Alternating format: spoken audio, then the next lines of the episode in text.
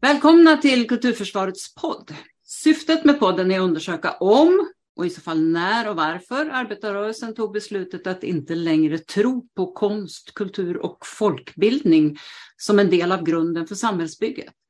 Jag som leder samtalet heter Ulla Bergsvedin, är frilansande skådespelerska, kulturdebattör och grundare av Kulturförsvaret. Dagens gäst är Erik Rosén, journalist, författare och opinionsbildare. Varmt välkommen Erik! Tack så mycket. Tack för att jag bli inbjuden. Roligt att eh, du ville vara med. Min första fråga till dig är, vem är Erik Rosén? Ja, vem är jag? Jag är din presentation var ganska bra och eh, jag är journalist, jag är författare och jag är eh, arbetar som kulturredaktör på mm. Aftonbladet mm. Kultur. Eh, och utöver det så har jag genom åren jobbat ganska mycket med pressetik och medieetik också. Jag har en sån roll även nu för Aftonbladet. Eh, utöver det så är jag som du nämnde författare och har skrivit Dels en självbiografisk bok som kom 2019 som heter Jag ångrar av hela mitt hjärta det där jag kanske gjort. Eh, och sen en skönlitterär roman som kom nu i höstas eh, som heter Ett bättre djur. Mm. Just det. Men om vi backar lite grann då och går tillbaka till den lille Erik, vem var han? Han var, ja vad var han? Jag, jag växte upp i Eskilstuna och Nyköping och Eh, gjorde det och det är det jag skildrar då i den här, eh, min första bok, den självbiografiska. Mm. Jag växte upp eh, väldigt fattigt och med en eh, pappa som var missbrukare och en mamma som hade väldigt kort om eh, pengar. Mm. Eh, och, och, ja, och med en pappa som så småningom när jag blev lite äldre också åkte i fängelse och dömdes för dråp. och det har jag skrivit väldigt mycket om. så det är väl ett, ett kort svar på vem mm. den lille Erik var. Hade du så att säga konst och kultur i ditt liv när du var barn? Jag hade det i avseendet att eh, mina föräldrar båda var och min mamma fortfarande är kulturintresserade och att man pratade om böcker och förhöll sig till läsning på ett sätt som att det var någonting viktigt. Mm. Eh, och jag hade det i min närhet via liksom ja, men genom eh, skolbesök på teatrar och på Folkoperan och det ena med det andra.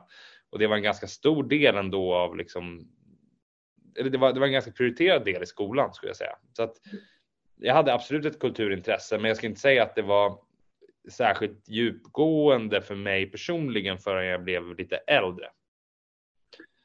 Vad, vad, vad var det som förde dig in på journalistbanan då? Det var, jag blev jag frivillig journalist kan man säga. Jag började, jag hade hela tiden ambitionen att jag skulle skriva och att jag skulle skriva böcker. Eh, men, eh, och, och, gick då en eh, folkhögskola som i, med en utbildning i skönlitterärt skrivande i Sundbyberg eh, och bland annat eh, och en i Nässjö också. Eh, och tänkte att jag kan väl frilansa lite för att försörja mig och för att eh, få möjligheten att skriva böcker eller skönlitteratur på olika sätt. Och sen blev det mer av frilansandet och eh, så småningom en anställning och till slut så insåg jag att nu har jag jobbat fem, sex, sju år eh, som journalist så nu kanske jag ska börja kalla mig det. Mm. Eh, och nu har jag jobbat som, ja, nu har jag skrivit för tidningar i alla fall sedan i 17, 18 år, 17 år kanske. Mm. Och just den opinionsbildande delen för att eh, jag blev ju väldigt intresserad av dig som journalist och, när jag läste dina artiklar kring yttrandefrihet och så. Mm. Den, alltså den, opinionsbildande delen har, det var lite därför jag också är, blev motvillig journalist så att säga. Mm. Eh, jag har alltid varit intresserad av diskussion och debatt och samhällsfrågor och politik och kultur. Eh, men jag har ofta velat uttrycka min egen uppfattning. Mm. Eh, så att ganska så tidigt så sökte jag mig till, eh, ja men det var väl på, när jag började jobba på, för Dagens Arena och Magasinet Arena som jag kunde börja skriva mer tesdriven, tesdrivna texter och mer opinion också. Eh, och sen fortsatte det när jag, jag rekryterades då till eh, att starta upp den sajten som heter Politism som delägdes av Aftonbladet eh, och var chefredaktör för den. Och där var det ju väldigt mycket politik. Det var ju en opinionssajt helt enkelt. Just. Eh, och när den la ner 2018, då gick jag in i Aftonbladet. Eh, och där har jag varit sedan dess. Men, och de två, lite mer än två år på kulturen specifikt. Och här känner jag mig väldigt hemma, skulle jag säga. Mm, det kan jag förstå. Um, om vi eh, då kommer in på det här med arbetarrörelsen och dess hållning till konst, kultur och folkbildning så skrev du i december förra året en artikel med rubriken Fel av vänstern att ge upp kulturkriget och du menar ju då att varken S eller V tog striden före valet. Men först på Vs valvaka talade Nooshi Dadgostar klarspråk om rasismen och sen menar också att S och hela arbetarrörelsen har steg för steg avvecklat det som rör folkbildning och egna medier. Kan du ge exempel på det?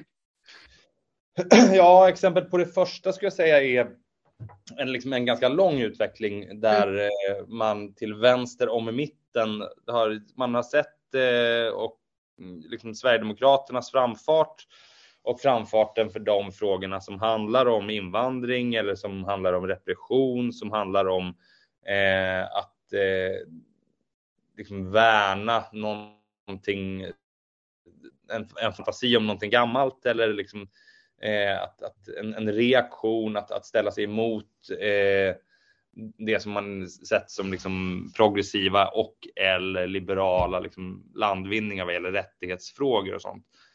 Och när man har sett att Sverigedemokraterna har nått väldiga framgångar med det här, då har Socialdemokraterna och liksom LO liksom arbetarrörelsen framför allt dragit öronen åt sig och tänkt sig det här är ju våra väljare. Så om vi ska vinna tillbaks dem, då kanske vi också borde sluta hålla på och höja rösten för eh, liksom hbtq-grupper eller för nyanlända eller invandrare och vi borde liksom tystna i de här rättighetsfrågorna något för att vinna tillbaks de här arbetarväljarna eh, istället för att ta striden. För vi vill inte ha konflikten där. Vi vill ha konflikten handla om de stora materiella frågorna.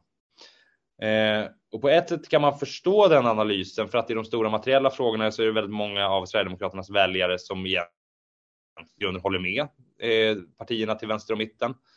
Eh, men resultatet har inte blivit det man har önskat. Eh, man har ändå inte vunnit tillbaka de här väljarna och det man istället har gjort Det har liksom lämnat öppet mål för Sverigedemokraterna och andra liksom högerkrafter eller reaktionära krafter att gå fram med, eh, att gå ganska hårt åt eh, minoriteter och eh, hbtq-rörelse eller liksom, det är väldigt tydligt i frågan nu om de här drag queens som läser sagostunder och så vidare. Att bara för att Socialdemokraterna slutar ta de här debatterna så kommer de inte försvinna. Det är bara att Sverigedemokraterna går framåt utan motstånd. Och därför menar jag att man måste ändå ägna sig en del åt det här kulturkriget som det kallas, det vill säga att stå upp för saker som borde vara självklarheter, som man inte borde behöva försvara för att det borde vara eh, grundläggande och klart och enkelt. Men eh, det är inte det längre och därför måste man orka ta de striderna. Eh, det är väl ungefär det jag menar att man har slutat med.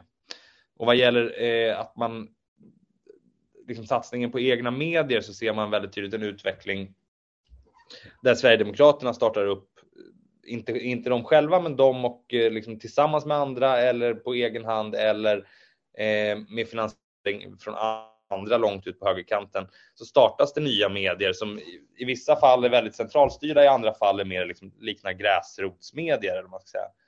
Och där har eh, LO, som ju tidigare varit en väldigt stor medieägare, i princip sålt av allt och man har slutat göra nya satsningar. Och befintliga redaktioner har eh, skurit ner på utgivning och skurit ner på redaktioner och på personal. Eh, det, finns, det tycks inte längre finnas en tilltro inom arbetarrörelsen till att egna medier och egna kanaler eh, är betydelsebärande i liksom, den politiska kampen. Och jag tror att även det är en väldigt felaktig analys för att jag tycker, jag tycker mig se att eh, de nya medier som har startat långt ut på högerkanten har ett enormt genomslag och med ganska små medel och de sätter väldigt mycket prägel på debatten och de påverkar också hur andra medier förhåller sig till vissa frågor. Och jag såg själv det när vi, när jag jobbade med politism. Mm. Eh, då var, det är väl en, kanske den sista liksom, satsningen som LO har gjort som är mer ambitiös karaktär där man har gått in med pengar och satsat på någon mediesatsning. Eh, att även vår närvaro satte prägel på debatten och satte prägel på vilka frågor som diskuterades och vilka som eh, fick delta i de diskussionerna. Eh, men det har man nu backat väldigt mycket ifrån och blivit en passiv aktör som i bästa fall försöker upprätthålla det som redan finns. Men i de flesta fall inte ens det. Och vad var anledningen till att politism lades ner då? Anledningen var att vi eh, inte hade, vi kunde inte bära våra kostnader. Eh, och eh, från början när politism startades fanns det en analys av mediemarknaden som byggde på att det borde kunna gå att få annonsörer tillräckligt för att finansiera det här.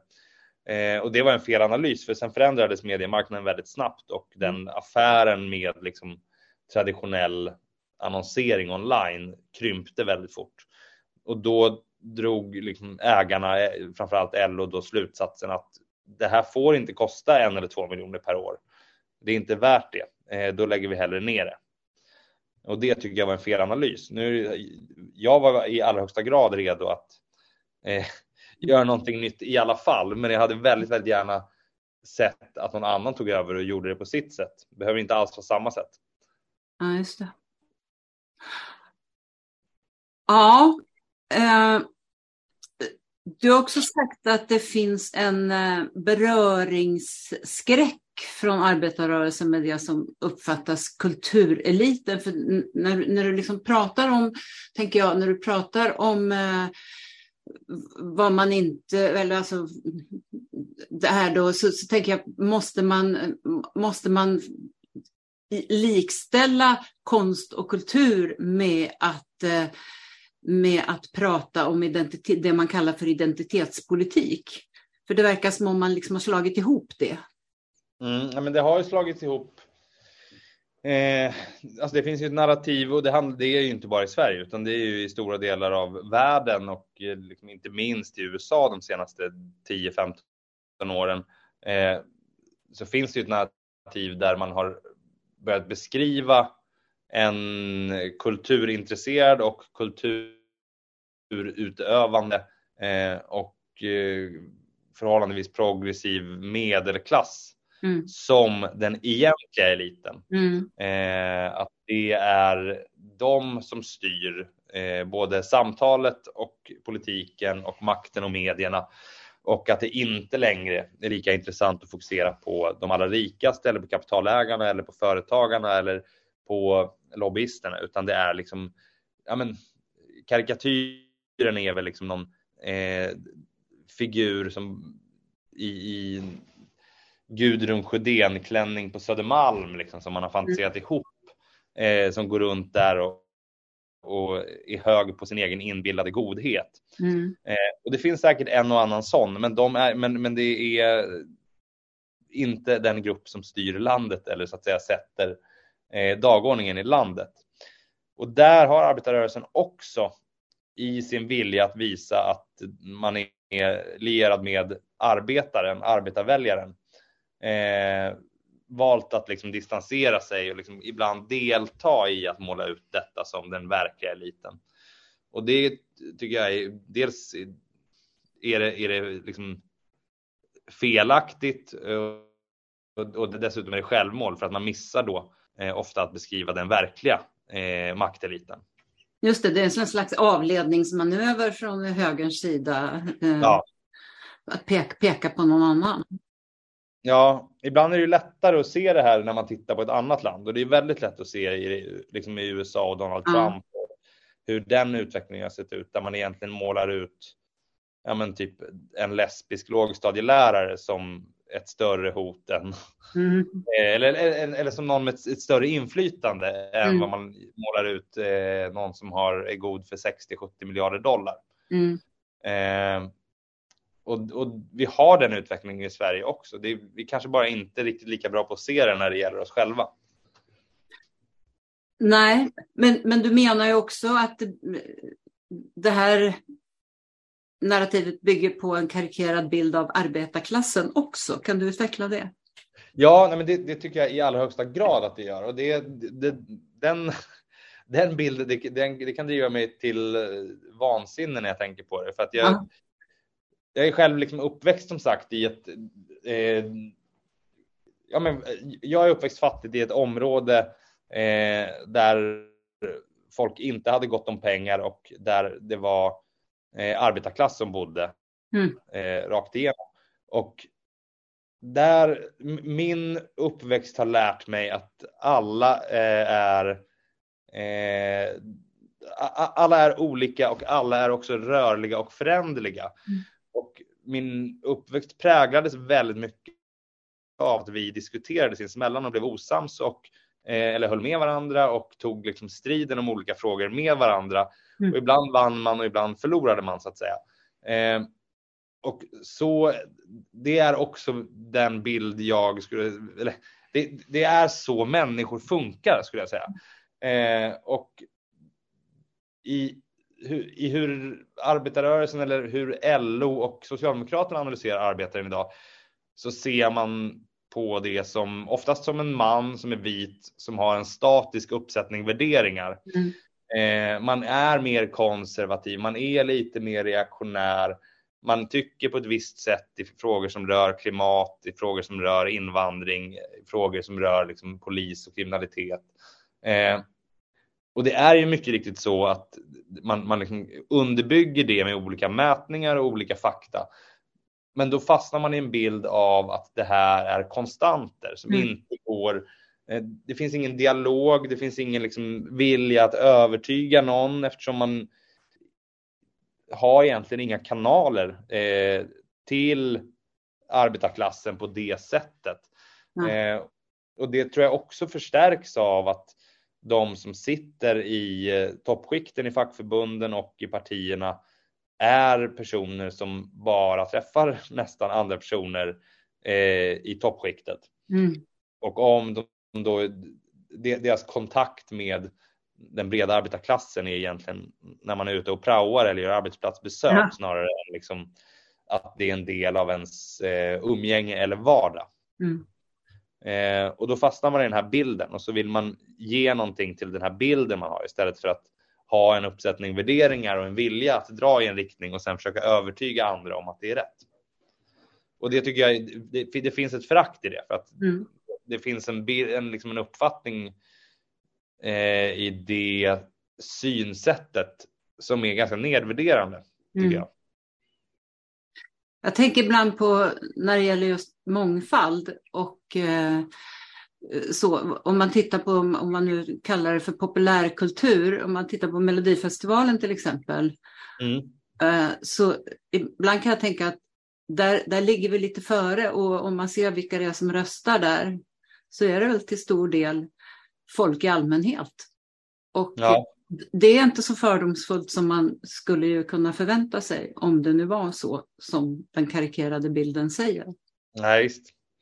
Nej, men jag tycker det går igen i, liksom, i mindre eh, i mindre viktiga och eh, liksom nästan tramsiga sammanhang också. Men det är om, om, om man frågar en eh, politiker idag och även då politiker till vänster vem som är en favoritförfattare eller en, mm. liksom, eh, vad som är en favoriträtt, då är det självklara svaret att de ska svara någonting som de tror är så folkligt som mm. möjligt. Så då är det ungefär eh, ja, men Astrid Lindgren och pannbiff med lök. Liksom, för att då tror de att de når ut. Och jag tycker att det bara visar att man, inte, att man är världsfrånvänd. Ah. Jag tyckte det var det fanns en, liksom en löjlighet i det också när Nooshi Dadgostar fick frågan vem man tyckte skulle bli kulturminister. Hon sa Babben Larsson. Ah. Eh, det, då, försöker man liksom kommunicera med en fantasi av vanligt folk som mm. är, mm. ja men det blir ganska larvigt. Ja, precis. Det, det tyder också, tänker jag, på att man, man inte känner till hur, hur, eh, hur förenings-Sverige fungerar. Mm. Ja, och att man inte har någon tilltro till liksom man, man, har inte någon tilltro till, till andra människor på riktigt, utan man tänker att man bara ska ja, men det ska säljas i, något, i en paketering som tilltalar en, liksom, mm. ja, men en karikatyr. Verkligen. Eh, och ja, det har ju med det att göra då att du också har sagt att den här politiska eliten, om man får kalla den så, ser sig själva då som en bildad klass i motsats till de som de ser som arbetare och att, att arbetare då inte har kulturella intressen och som benämns som vanligt folk. Och det där tyck, vi pratade ju om det när vi talades vid inför den här intervjun. Det här med vanligt folk, det är också någonting som, som det ofta talas om i politiska debatter.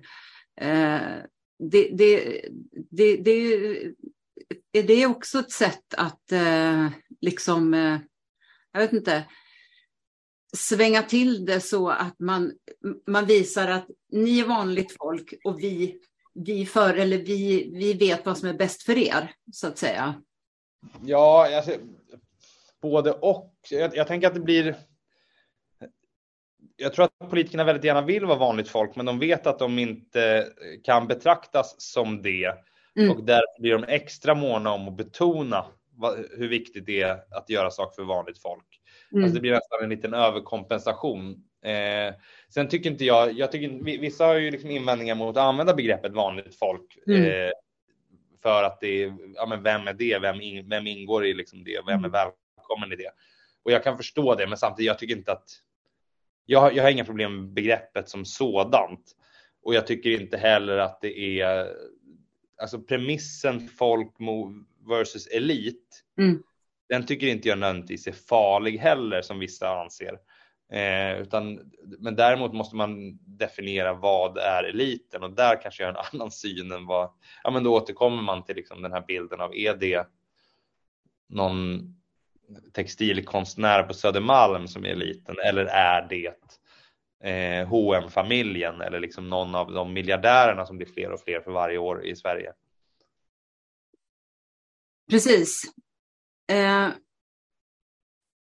du var inne på det förut med, med det här med kulturkriget och i Gävle så har de ju rivstartat SD med att gå in och försöka förbjuda Lucia-tåg för att det inte var en kvinna som var Lucia. Och den som först utsågs till ordförande för länsmuseet. Jag, vet jag tror att det är lite oklart just för tillfället, men han påstod ju att åratal av sossestyre har arbetat för att sudda ut vår kultur och historia. Och nu ska svensk historia och kultur återkomma i fokus.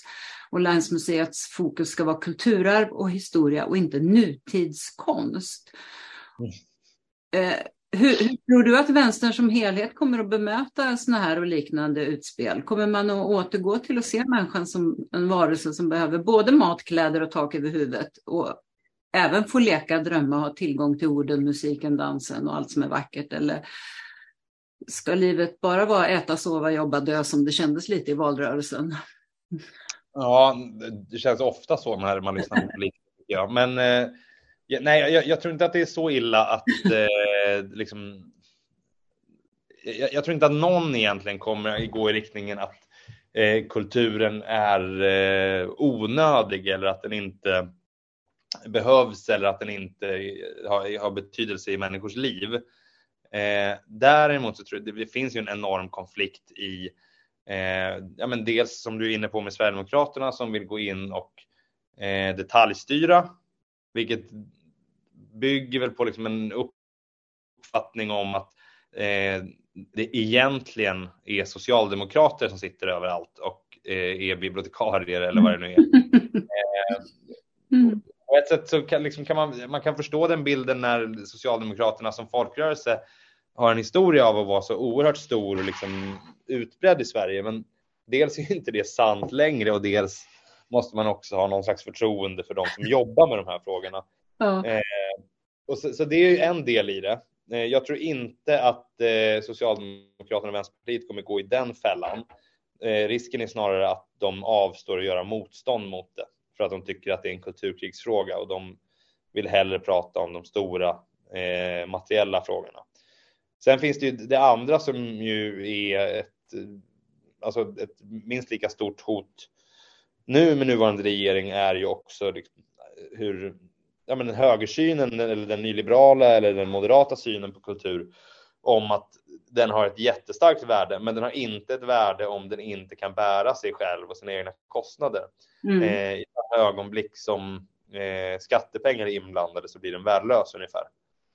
Eh, och de ser hellre liksom med mecenater eller stiftelser som äger som är rika och att det ska styras den vägen. Och det tror jag är en jättefara för det, då riskerar det också att bli en kultur för en mycket, mycket smalare grupp. Mm. Och eh, en mycket mindre deltagande kultur som inte söker sig ut för att nå nya personer som ska ta del av kulturen eller utöva kulturen utan som ja, men snarare som hoppas på elitsatsningar, alltså alla liksom någon slags idrotts, eh, ja men om man, om man översätter OS-tänk kring liksom idrott till kulturutövare. Eh, så det, det, tror jag är en jättefarlig utveckling de närmsta åren. Och vad gäller vänstern så den breda vänstern, då räknar jag in både S och eh, V och möjligen MP. Eh, där tror jag mer att ointresset är väldigt farligt. Mm. Eh, det syns inte minst när det gäller public service och det syns när det gäller kulturpolitiken i stort att det har varit väldigt, väldigt tyst och väldigt ointresserat och de kulturministrar man har tillsatt har man liksom inte tillsatt för att det är en viktig och tung post där man sätter en prioriterad poli eller liksom prioriterar genom att sätta en politiker som får ett rejält inflytande utan det är lite sådär, ja men det kan väl en miljöpartist få så har de fått en så får vi fler andra poster. Eh, och budgetarna har inte heller varit så omfattande. Sen tycker jag för all del att liksom Amanda Lind visade sig vara en bättre kulturminister än många befarade. Mm. Eh, men det är ju, ja, den, den senaste eh, kulturministern från Socialdemokraterna imponerade inte på mig och inte på så många andra heller. Eh, och jag skulle inte säga att eh, Alice Bah Kuhnke heller gjorde det. Ja, men, och som, som du säger, just det här ointresset, det är det som eh, har gjort att jag vill ha de här diskussionerna. Eh, för jag undrar var, var det kommer sig. Och sen just också eh, högern då, och inte minst SD.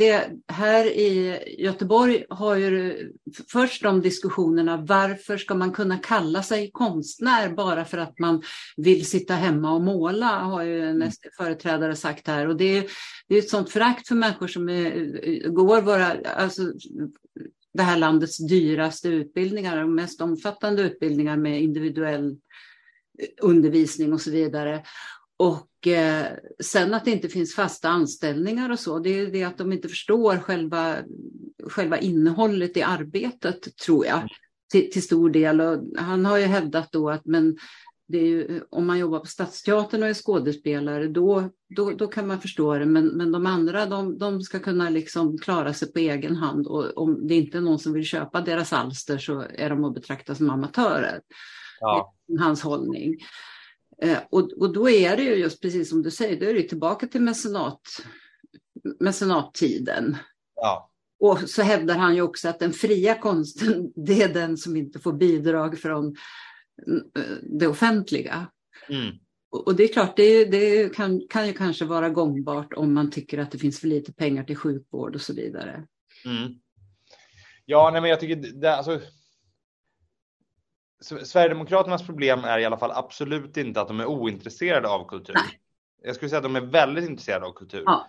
Eh, men de, om man hårdrar det så vill de riva ner de befintliga institutionerna för de tycker att de är genomsyrade av någonting. De tycker att de är genomsyrade av en tjänstvillig, liksom progressiv mm. syn på kulturen eller utövande av kulturen. Och så vill de riva ner det och så vill de bygga upp någonting som är en tjänstvillig sverigedemokratisk konstnärs liksom, kader eller kulturvärld.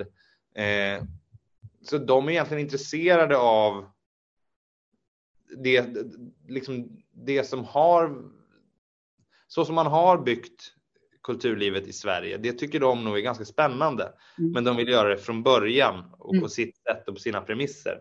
Så att det blir mer tjänstvilligt i relation till eh, nationen, Sverigedemokraterna eller nationalismen eller liksom den typen av kultur. Men det är väl därför Mattias Karlsson har haft som uppgift att ta sig in i de akademiska kretsarna.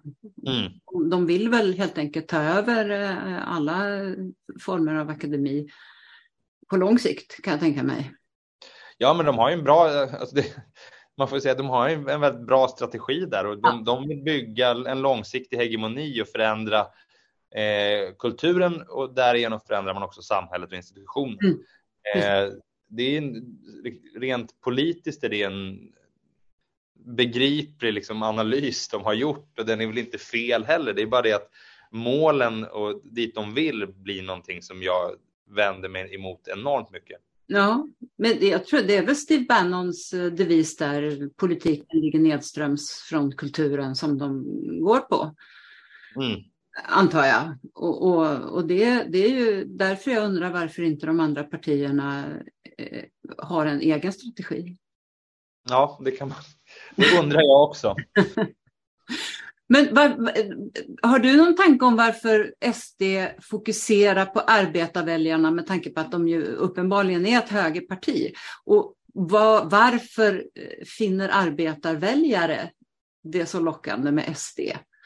Vad är det de lyckas med? Eh, jag tror att det är, det är, nästan en egen podd, men eh, det, det finns ju en det finns en lång linje politiskt där vi har eh, förändrat väldigt mycket i politiken på, så, så, att vi har placerat väldigt mycket makt eh, utanför Sverige, det vill säga i EU och i andra institutioner. Eh, vi har talat om för väljarna i decennier att eh, vi kan inte, det går inte att föra en liksom mer progressiv ekonomisk politik. Eh, vi har ett regelverk, vi har olika ramverk, vi har eh, olika lagstiftningar som gör eh, att politikens utrymme är mycket, mycket mindre och mm. krympande. Medan marknadens utrymme eh, växer och måste tas hänsyn till. Och, sen, och, och på, sätt, på, många sätt är det sant. Vi har också krympt utrymmet, inte minst liksom i relation till de, den EU-lagstiftning som vi har implementerat. Mm.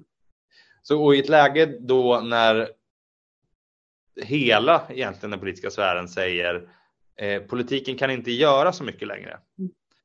Då kommer Sverigedemokraterna in och säger att politiken har en mycket större roll. Den ska vara det som avgör eh, och vi har en lösning. Lösningen är inte då, nu, den har varit att gå ur EU, men den är inriktad på att vi har också liksom en stor grupp människor här som kostar en massa pengar och som står i vägen för att du, vare sig du är arbetare eller småföretagare eller någonting annat, mm. eh, får det du förtjänar. Mm. Så istället för att då säga att, ja, men det de säger är egentligen eh, att politikens utrymme ska vara större, politiken ska ha mer makt och vi ska använda den makten till att ta bort människor eller förneka människor att komma till Sverige mm. eh, och då kommer det räcka att bli över till alla. Då kommer alla få det mycket bättre. Mm.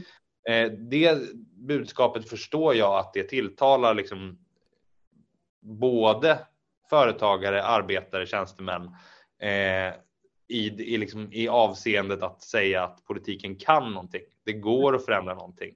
Mm. Eh, och sen är det ju en, en, liksom, en ja, det är vansinne att försöka göra det genom att eh, liksom rikta blicken mot invandrare eller personer med fel hudfärg. Men, men eh, budskapet om att, det, att politiken har makt och politiken ska ha makt. Det, eh, det tycker inte jag är svårt att förstå varför det tilltalar. Nej, men det är intressant att de gör det tillsammans med de som tycker att staten inte ska ha makt alls. Ja, men även de, jag menar, det, det finns ju Moderaterna talar ju också om en starkare stat just nu. Eh, även om det är bara i liksom de repressiva delarna framför allt. Men, Eller hur? Men det är ingen som pratar om att staten måste krympa eller att den offentliga sektorn ska utplånas just nu. Sen kommer det komma tillbaka. Men, men, men jag tänker också, för det som, det som SD ju är bäst på, tycker jag, eh, av de politiska partierna, det är ju det som faktiskt arbetarrörelsen var bra på i begynnelsen. Det, det är ju att de har en vision, en berättelse, om en falsk, om ett bättre samhälle, ett bättre liv. Mm. Och de har också en oerhört tydlig riktning.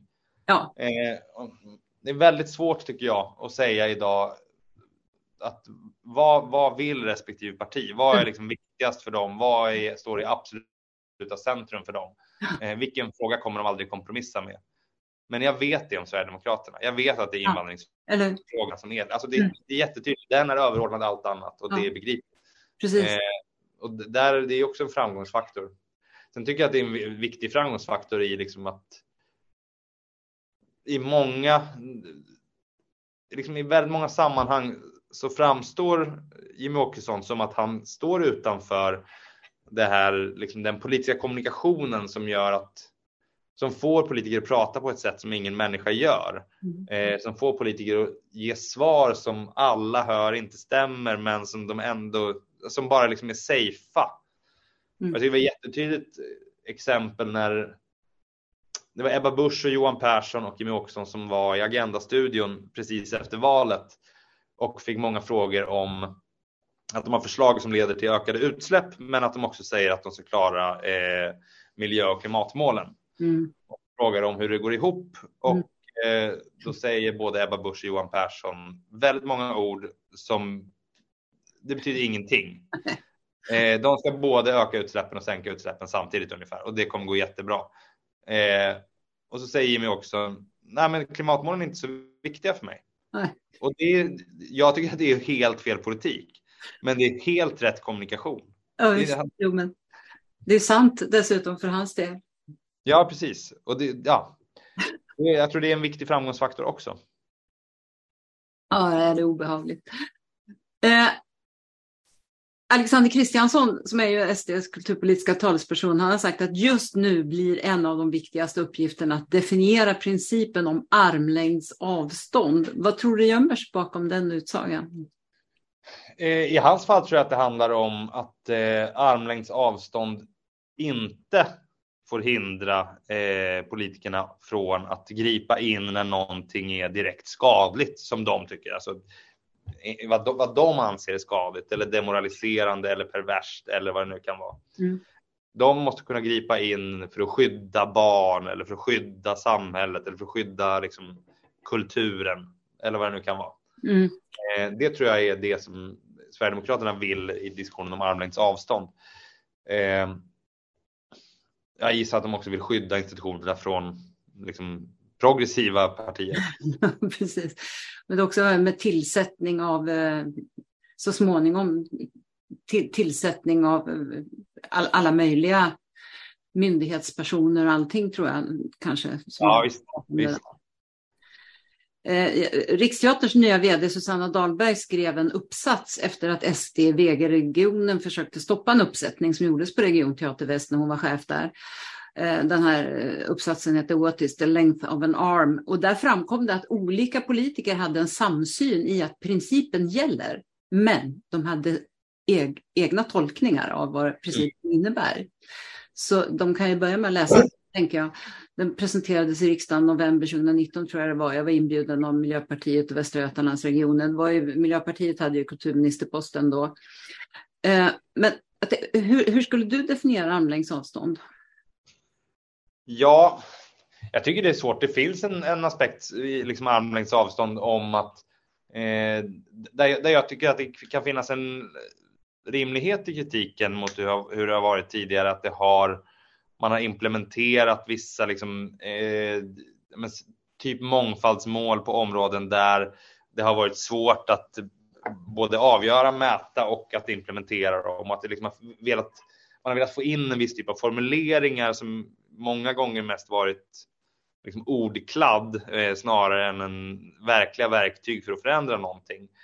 Och, och då har, då har det liksom ja, men då, då har det sipprat in nästan lite partiprogramsretorik ibland i, i processer som handlar om att söka pengar och liknande på ett sätt som nog har varit dåligt. Eh, inte nödvändigtvis jättedåligt för kulturen, men jättedåligt för tilltron till armlängds avstånd och tilltron till att den inte är för politiskt styrd.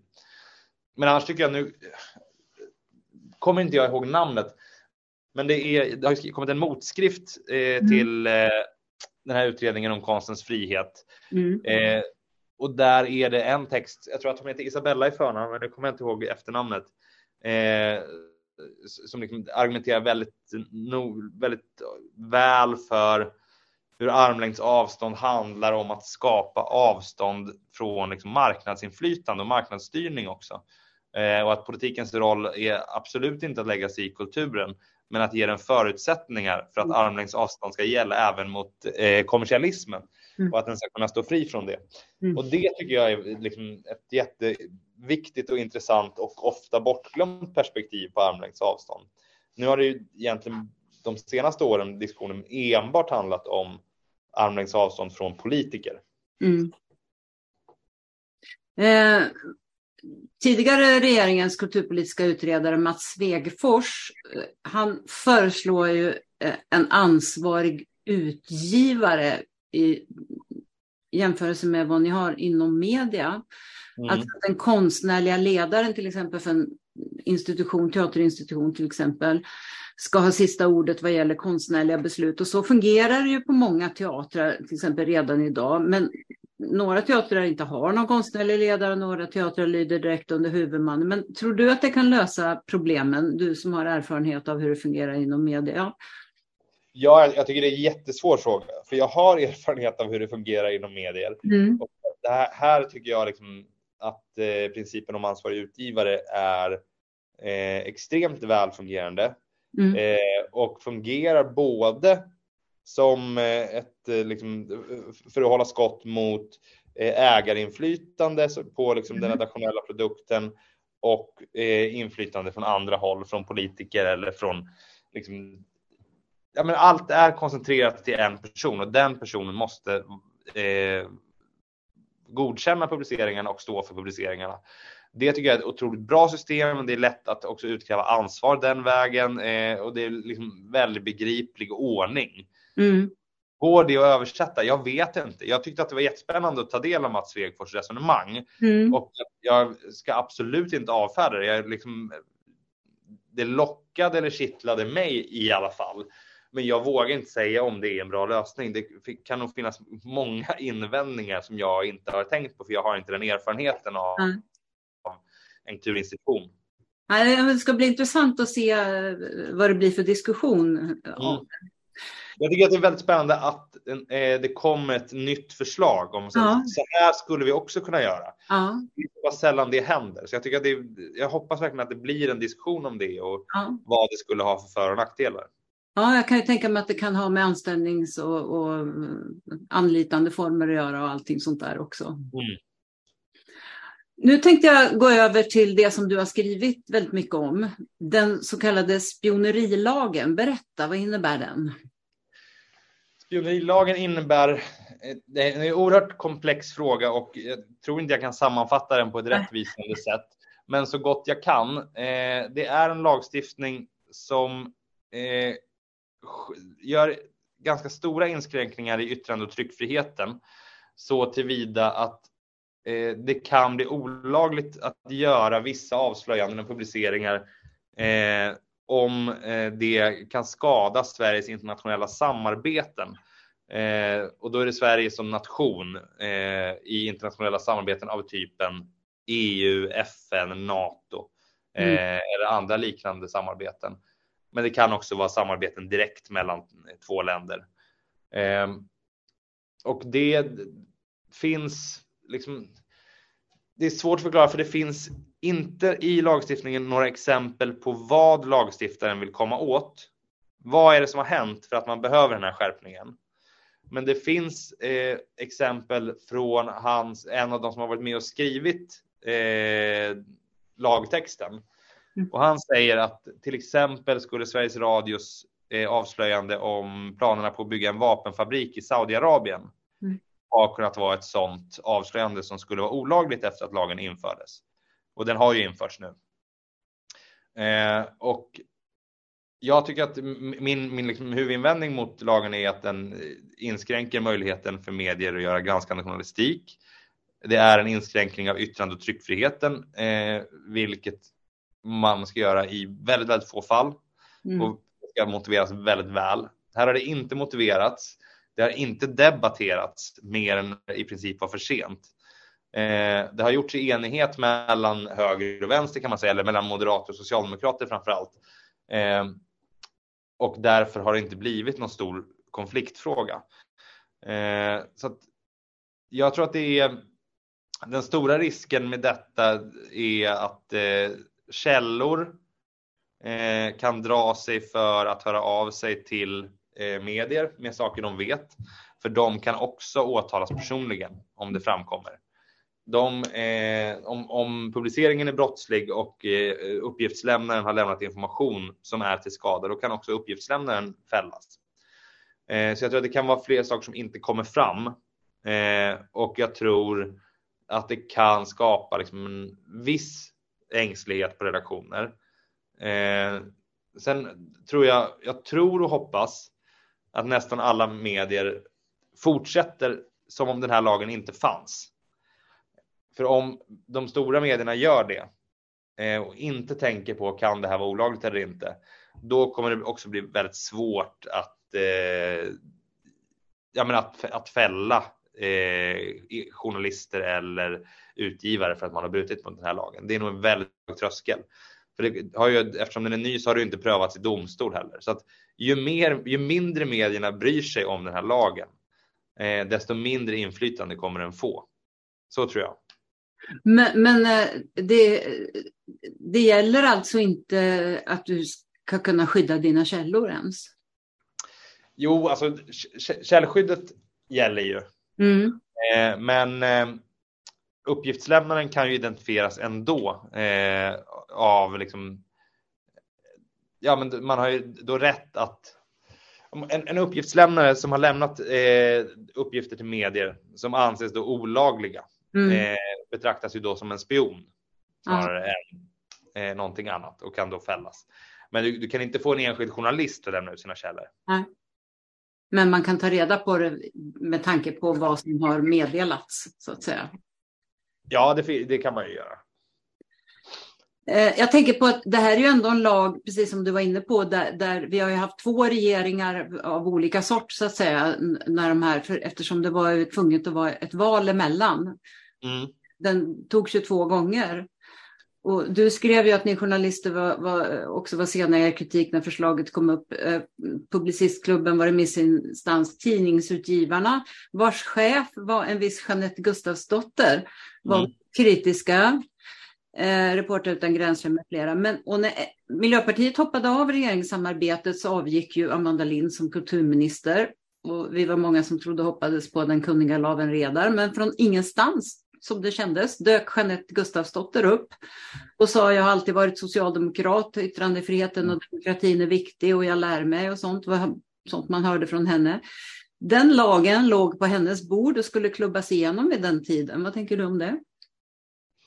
Nej, jag tänker om det att eh, det blir väldigt tydligt att hon eh, var beredd att stå upp för en princip när hon eh, representerade tidningsutgivarna och sen mm. var hon beredd att kasta den principen över bord i samma ögonblick som hon blev statsråd. Och det mm. imponerar inte så mycket på mig. Så kan jag säga om det. Sen tänker jag att det tyvärr är så. Jag tror att Miljöpartiet hade fortsatt eh, acceptera den här lagstiftningen om inte de hade lämnat regeringen, för de tyckte att samarbetet var viktigare än att stå emot eh, den, den förändrade yttrande och tryckfrihetsgrundlagen.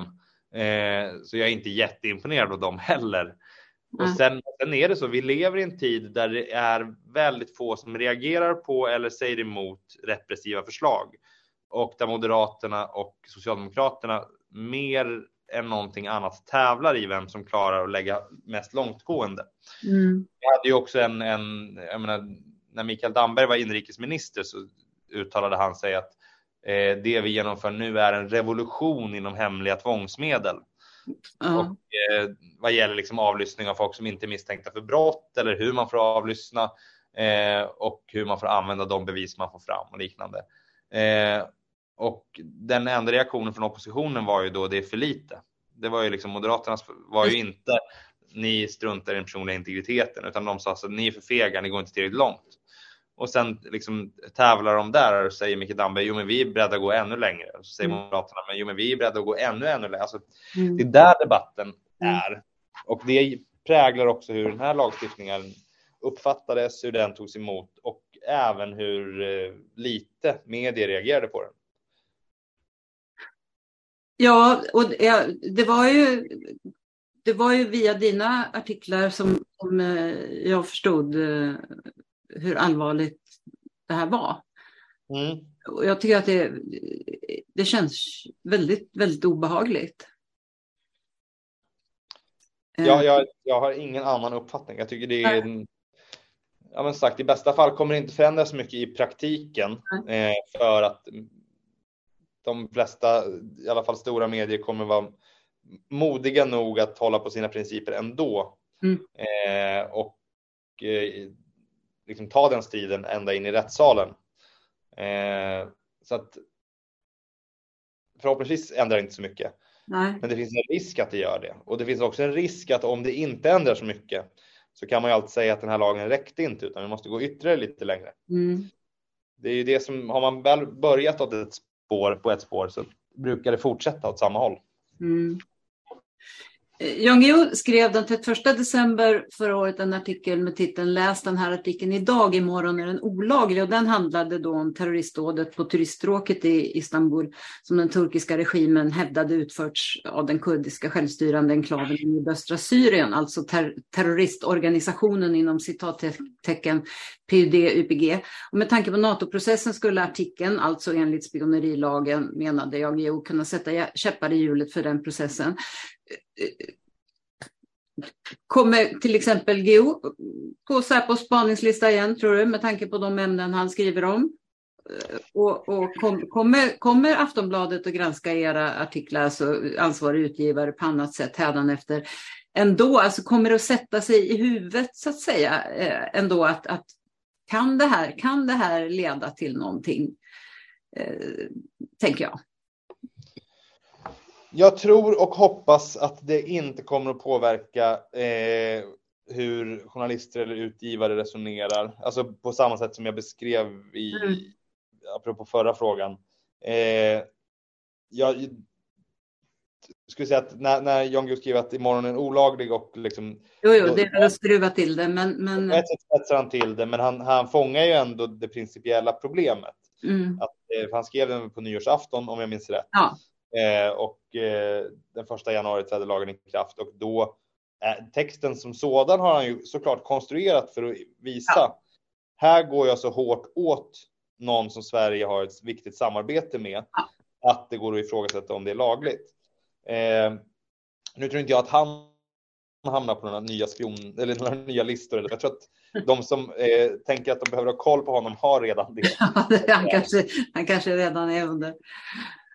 Men, där, ja, nej, men det, det det kan göra är väl att eh, man, man, man, skulle kunna befara att det här eller något annat avslöjande leder till eh, irritation mm. hos Erdogan med flera och att de blir förbannade och säger tillåter ni det här? Ni säger ju själva att ni har en lag som inte tillåter mm. det här och då förväntar sig att Sverige ska agera precis som Erdogan har förväntat sig att Sverige ska agera på olika sätt mot demonstrationer och dockbränningar och det ena med det andra. Så det kan ju liksom bli ett påtryckningsmedel mot Sverige också. Mm. Eh, i, I januari skrev du en artikel med titeln Staten kräver mer makt över svenska medier. Och då menar du att nu larmar ni i tid. Och den nya lagen som ännu så länge är en departementsskrivelse handlar om återkallelse av sändningstillstånd med hänsyn till rikets säkerhet. Vad handlar det om nu? Är det hela mediehus då? Då handlar det inte om tidningar utan det handlar om de som har tillstånd av Myndigheten för press, radio och tv mm. eh, för att göra eh, radiosändningar eller tv-sändningar via mm. liksom, det digitala marknätet. Eh, och då räknas, då ska man också då räknas inte public service in eftersom deras uppdrag kommer från regeringen. Mm. Men eh, även här är det här är en jätteknepig lagstiftning som handlar om att eftersom förhandscensur är olagligt eh, och det skriver man också om i den här skrivelsen att man får inte hamna i ett läge där det kan likna förhandscensur. Eh, så ska man istället om någonting då skadar Sveriges säkerhet, då ska man kunna gripa in i efterhand och återkalla sändningstillståndet. Om till exempel TV4 mm. eh, publicerar någonting som anses skada Sveriges säkerhet, eh, då ska sändningstillståndet kunna återkallas. Eh, Vad skulle det, det, det kunna vara? Olika... Ja, det är svårt att säga och det, det som är det knepiga med alla de här lagarna, Säpo, skriver ju, Säpo avstyrker det här förslaget. De vill inte att det ska genomföras. Eh, för de skriver själva att det är oklart vem som ska skyddas och mot vad. Mm. eh, så, att, så, att, man liksom. Man hittar ett sätt att man vill införa en lagstiftning för att skydda sig mot något. Men man är inte beredd att definiera vad, man är inte beredd att eh, ge exempel på när den här lagstiftningen skulle ha behövts tidigare, det vill säga vad har TV4 eller andra förr publicerat som har skadat Sveriges säkerhet? Eh, här tror jag dels handlar om eh, en effekt av liksom ett förändrat säkerhetsläge som gör att man har eh, skyndat på det här. Men det handlar också om en vilja. Tidigare, man har kunnat göra det här mot närradiostationer och liknande tidigare. Eh, men den vill jag utvidga för att man säger så här, men det är en lucka i lagen att inte man kan göra så här mot stora tv-kanaler. Vi måste utvidga den. Vi måste också, vi, vi måste se till att vi eh, kan gripa in även där om något går åt skogen utan att veta riktigt vad som ska gå åt skogen. Eh, så att man skapar... handlingskraft eller liksom att... Eh, ja, eh, handlingskraft och eh, man rustar för ett läge där man, man ser framför sig att Sverige är hotat på olika sätt. Eh, och jag, jag, tror inte att man har liksom någon plan för om, om, om, vi får den här lagen på plats, då ska vi göra det här och det här. Det mm. tror inte jag. Eh, jag tror att man vill se till att man har alla möjligheter om man behöver dem. Och det, jag tycker det är också det är en väldigt obehaglig syn på lagstiftning, att man bara ska skaffa sig handlingsutrymme Aha. om det behövs i framtiden. Jo, men om, och dessutom om, om Sverige är hotat, eh, ingår, då, ingår då TV4 till exempel eller Aftonbladet i hoten? Att, att det, det, skulle vi då kunna göra om vi anses eh, liksom sprida fiendens information eller vad det kan ja. vara. Jag vet inte exakt hur de liksom, det finns ju skrivelser om, om eh, såväl Aftonbladet som andra tidningar i liksom, synen på ett totalförsvar och liksom hur mm. man ska agera i krig. Mm. Eh, men, men där är ju fortfarande liksom, de kommersiella medierna och oberoende medierna är ju eh, fortsatt oberoende medan det är mycket skarpare regler för public service. Mm. Men det här ska jag säga, det här är inte, den delen är inte min bästa gren. Nej. Nej, men man, man börjar fundera liksom på hur de, eh, vad, det är som, vad det är som finns liksom bakom de här sakerna. Det är mycket man undrar nu, vad, vad, vad, vad ligger bakom? Mm. Eh, tror du det finns risk för självcensur bland journalister? Jag tror att det finns en risk eh, för jag tror inte att eh, eh, grävande journalister och nyhetsreportrar kommer ägna sig åt självcensur. Jag tror att ju mer eh, betoning på kommersialitet en, en, tidning eller liksom en tv-kanal eller vad det nu kan vara har, eh, desto större risk för självcensur finns det. För att ju mer det handlar om att vi ska ha en bra business här och vi vill att det ska flyta på, mm. eh, desto mindre anledning att ta risker desto mindre anledning att dra en lans för någon viktig princip. Mm. Så att jag tror aldrig att Aftonbladet kommer liksom anpassa sig efter det eller krypa för någon. Och jag tror inte att andra grävande, eh, andra mediehus med grävande journalister kommer göra det heller. Eh, men jag tror absolut att det finns en risk för självcensur. Jag tror att det finns en, den, det här kopplas också till sändningstillståndet är kopplat till liksom, det är kopplat till, den som äger mm. eh, tv-kanalen. Mm. Och det gör också att det skapar incitament för en ägare att gå in och säkerställa att eh, redaktionen inte fattar beslut som riskerar hans pengar egentligen. Mm. Eh, och det gör att oberoendet minskar. Jag, jag, tycker att jag ändå har hört, eh, framförallt i public service, så tycker jag att jag har hört sådana där som jag upplevt som omotiverat att säga, ja nu är ju inte SD här och kan försvara sig. eh, i och med att SD har börjat attackera public service. Mm. Eh, och då, då tänker jag så här, ja det där är ett uttryck för att man är rädd att de ska börja, eh, ja att de ska attackera eller att de ska få möjlighet att inskränka. Eh. Ja, jag tycker den undfallenheten, jag tror att den är mer en effekt av den debatt som har förts. Mm. Jag tror att de har blivit, jag tror att, eller jag vet att när de publicerar någonting Eh, precis som andra medier så får de enormt mycket mejl och påtryckningar mm. eh, från eh, liksom, högerextrema eller högersinnade eller bara rena troll som säger att ni är kommunister, ni är vänstermedia, ni eh, bedriver censur och ni springer sossarnas ärenden eller vad det kan vara. Ja. Och att det där har satt sig. Det har satt sig i den politiska debatten också. Eh, vi ser liksom nu bara hur i diskussionen om elstödet så är KDs partisekreterare ute och målar ut liksom Dagens Nyheter som någon slags agendadriven vänstertidning som vill fälla regeringen på nyhetsplats. Och liksom, ja. det, det, har satt sig ganska brett det där. Eh, och jag tror att det leder till att man blir oerhört ängslig genom public service. Mm. Eh, man vet också att alltså man, har, man har vetat länge, inte bara nu när Sverigedemokraterna har makten, att eh, det, och, alltså, det kan också komma liksom lagstiftningar och det kan komma budgetförändringar som påverkar om eh, ju mer bilden sätter sig av att man eh, är någon slags galen vänstermedia mm. så kommer det kunna straffa sig och så överkompenserar man åt andra hållet istället. Mm. Som avslutning så vill jag fråga, tror du att det är möjligt att få till ett samtal om huruvida konst, kultur och folkbildning fa faktiskt fortfarande håller som ett av fundamenten för ett gott samhälle. För det var ju trots allt en viktig ingrediens i ett av världens mest framgångsrika recept för att ta ett land från extrem fattigdom till att bli ett av världens rikaste och mest jämlika länder.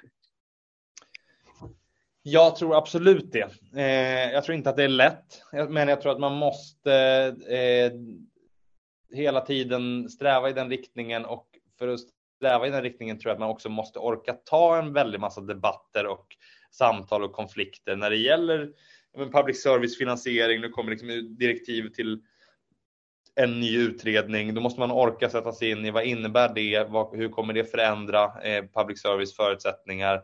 Man måste orka liksom, ta de diskussionerna om kulturens värde i sig som inte handlar om ett ekonomiskt värde eller ens ett värde liksom i någon slags eh, relation till arbetslöshetssiffror eller utan att det har ett egenvärde i eh, ett samhälle. Eh, och jag tror också att alla som vill värna konst och kultur måste också försöka liksom hitta nya idéer, nya förslag. Eh, vad vill vi? Varför vill vi det? Och hur kan det finansieras och av vem? Liksom. Eh, och då menar jag inte att man ska gå till marknaden för det, utan att hur, hur kan vi hitta sätt att göra det här? Är det liksom, kan man bygga upp eh, via en gammal modell med liksom förenings-Sverige igen eller eh, ska det vara något helt nytt? Alltså, ja. jag, jag tror att på, på, på att eh, aktivera sig, engagera sig och att försöka hitta liksom nya idéer kring de politiska besluten och att delta i diskussionen om dem väldigt mycket. För att de, de som vill motsats, de är väldigt engagerade. Och då måste alla som eh, vill värna kulturen också vara det. Stort tack Erik för att du ville medverka. Ja, tack själv. Det var väldigt kul. Och tack för att ni lyssnade och den som vill veta mer om Kulturförsvaret och om kommande poddar kan gå in på kulturförsvaret.se. Poddarna hittar ni på sidan och där poddar finns. Om ni vill gå med i vår Facebookgrupp så är det bara att gå in och ansöka om medlemskap. Gruppen är öppen för alla som är intresserade av konst och kultur och som tycker att det är viktigt att konst och kultur och fri press och media diskuteras på samma villkor som andra politikområden. Tack och på återhörande.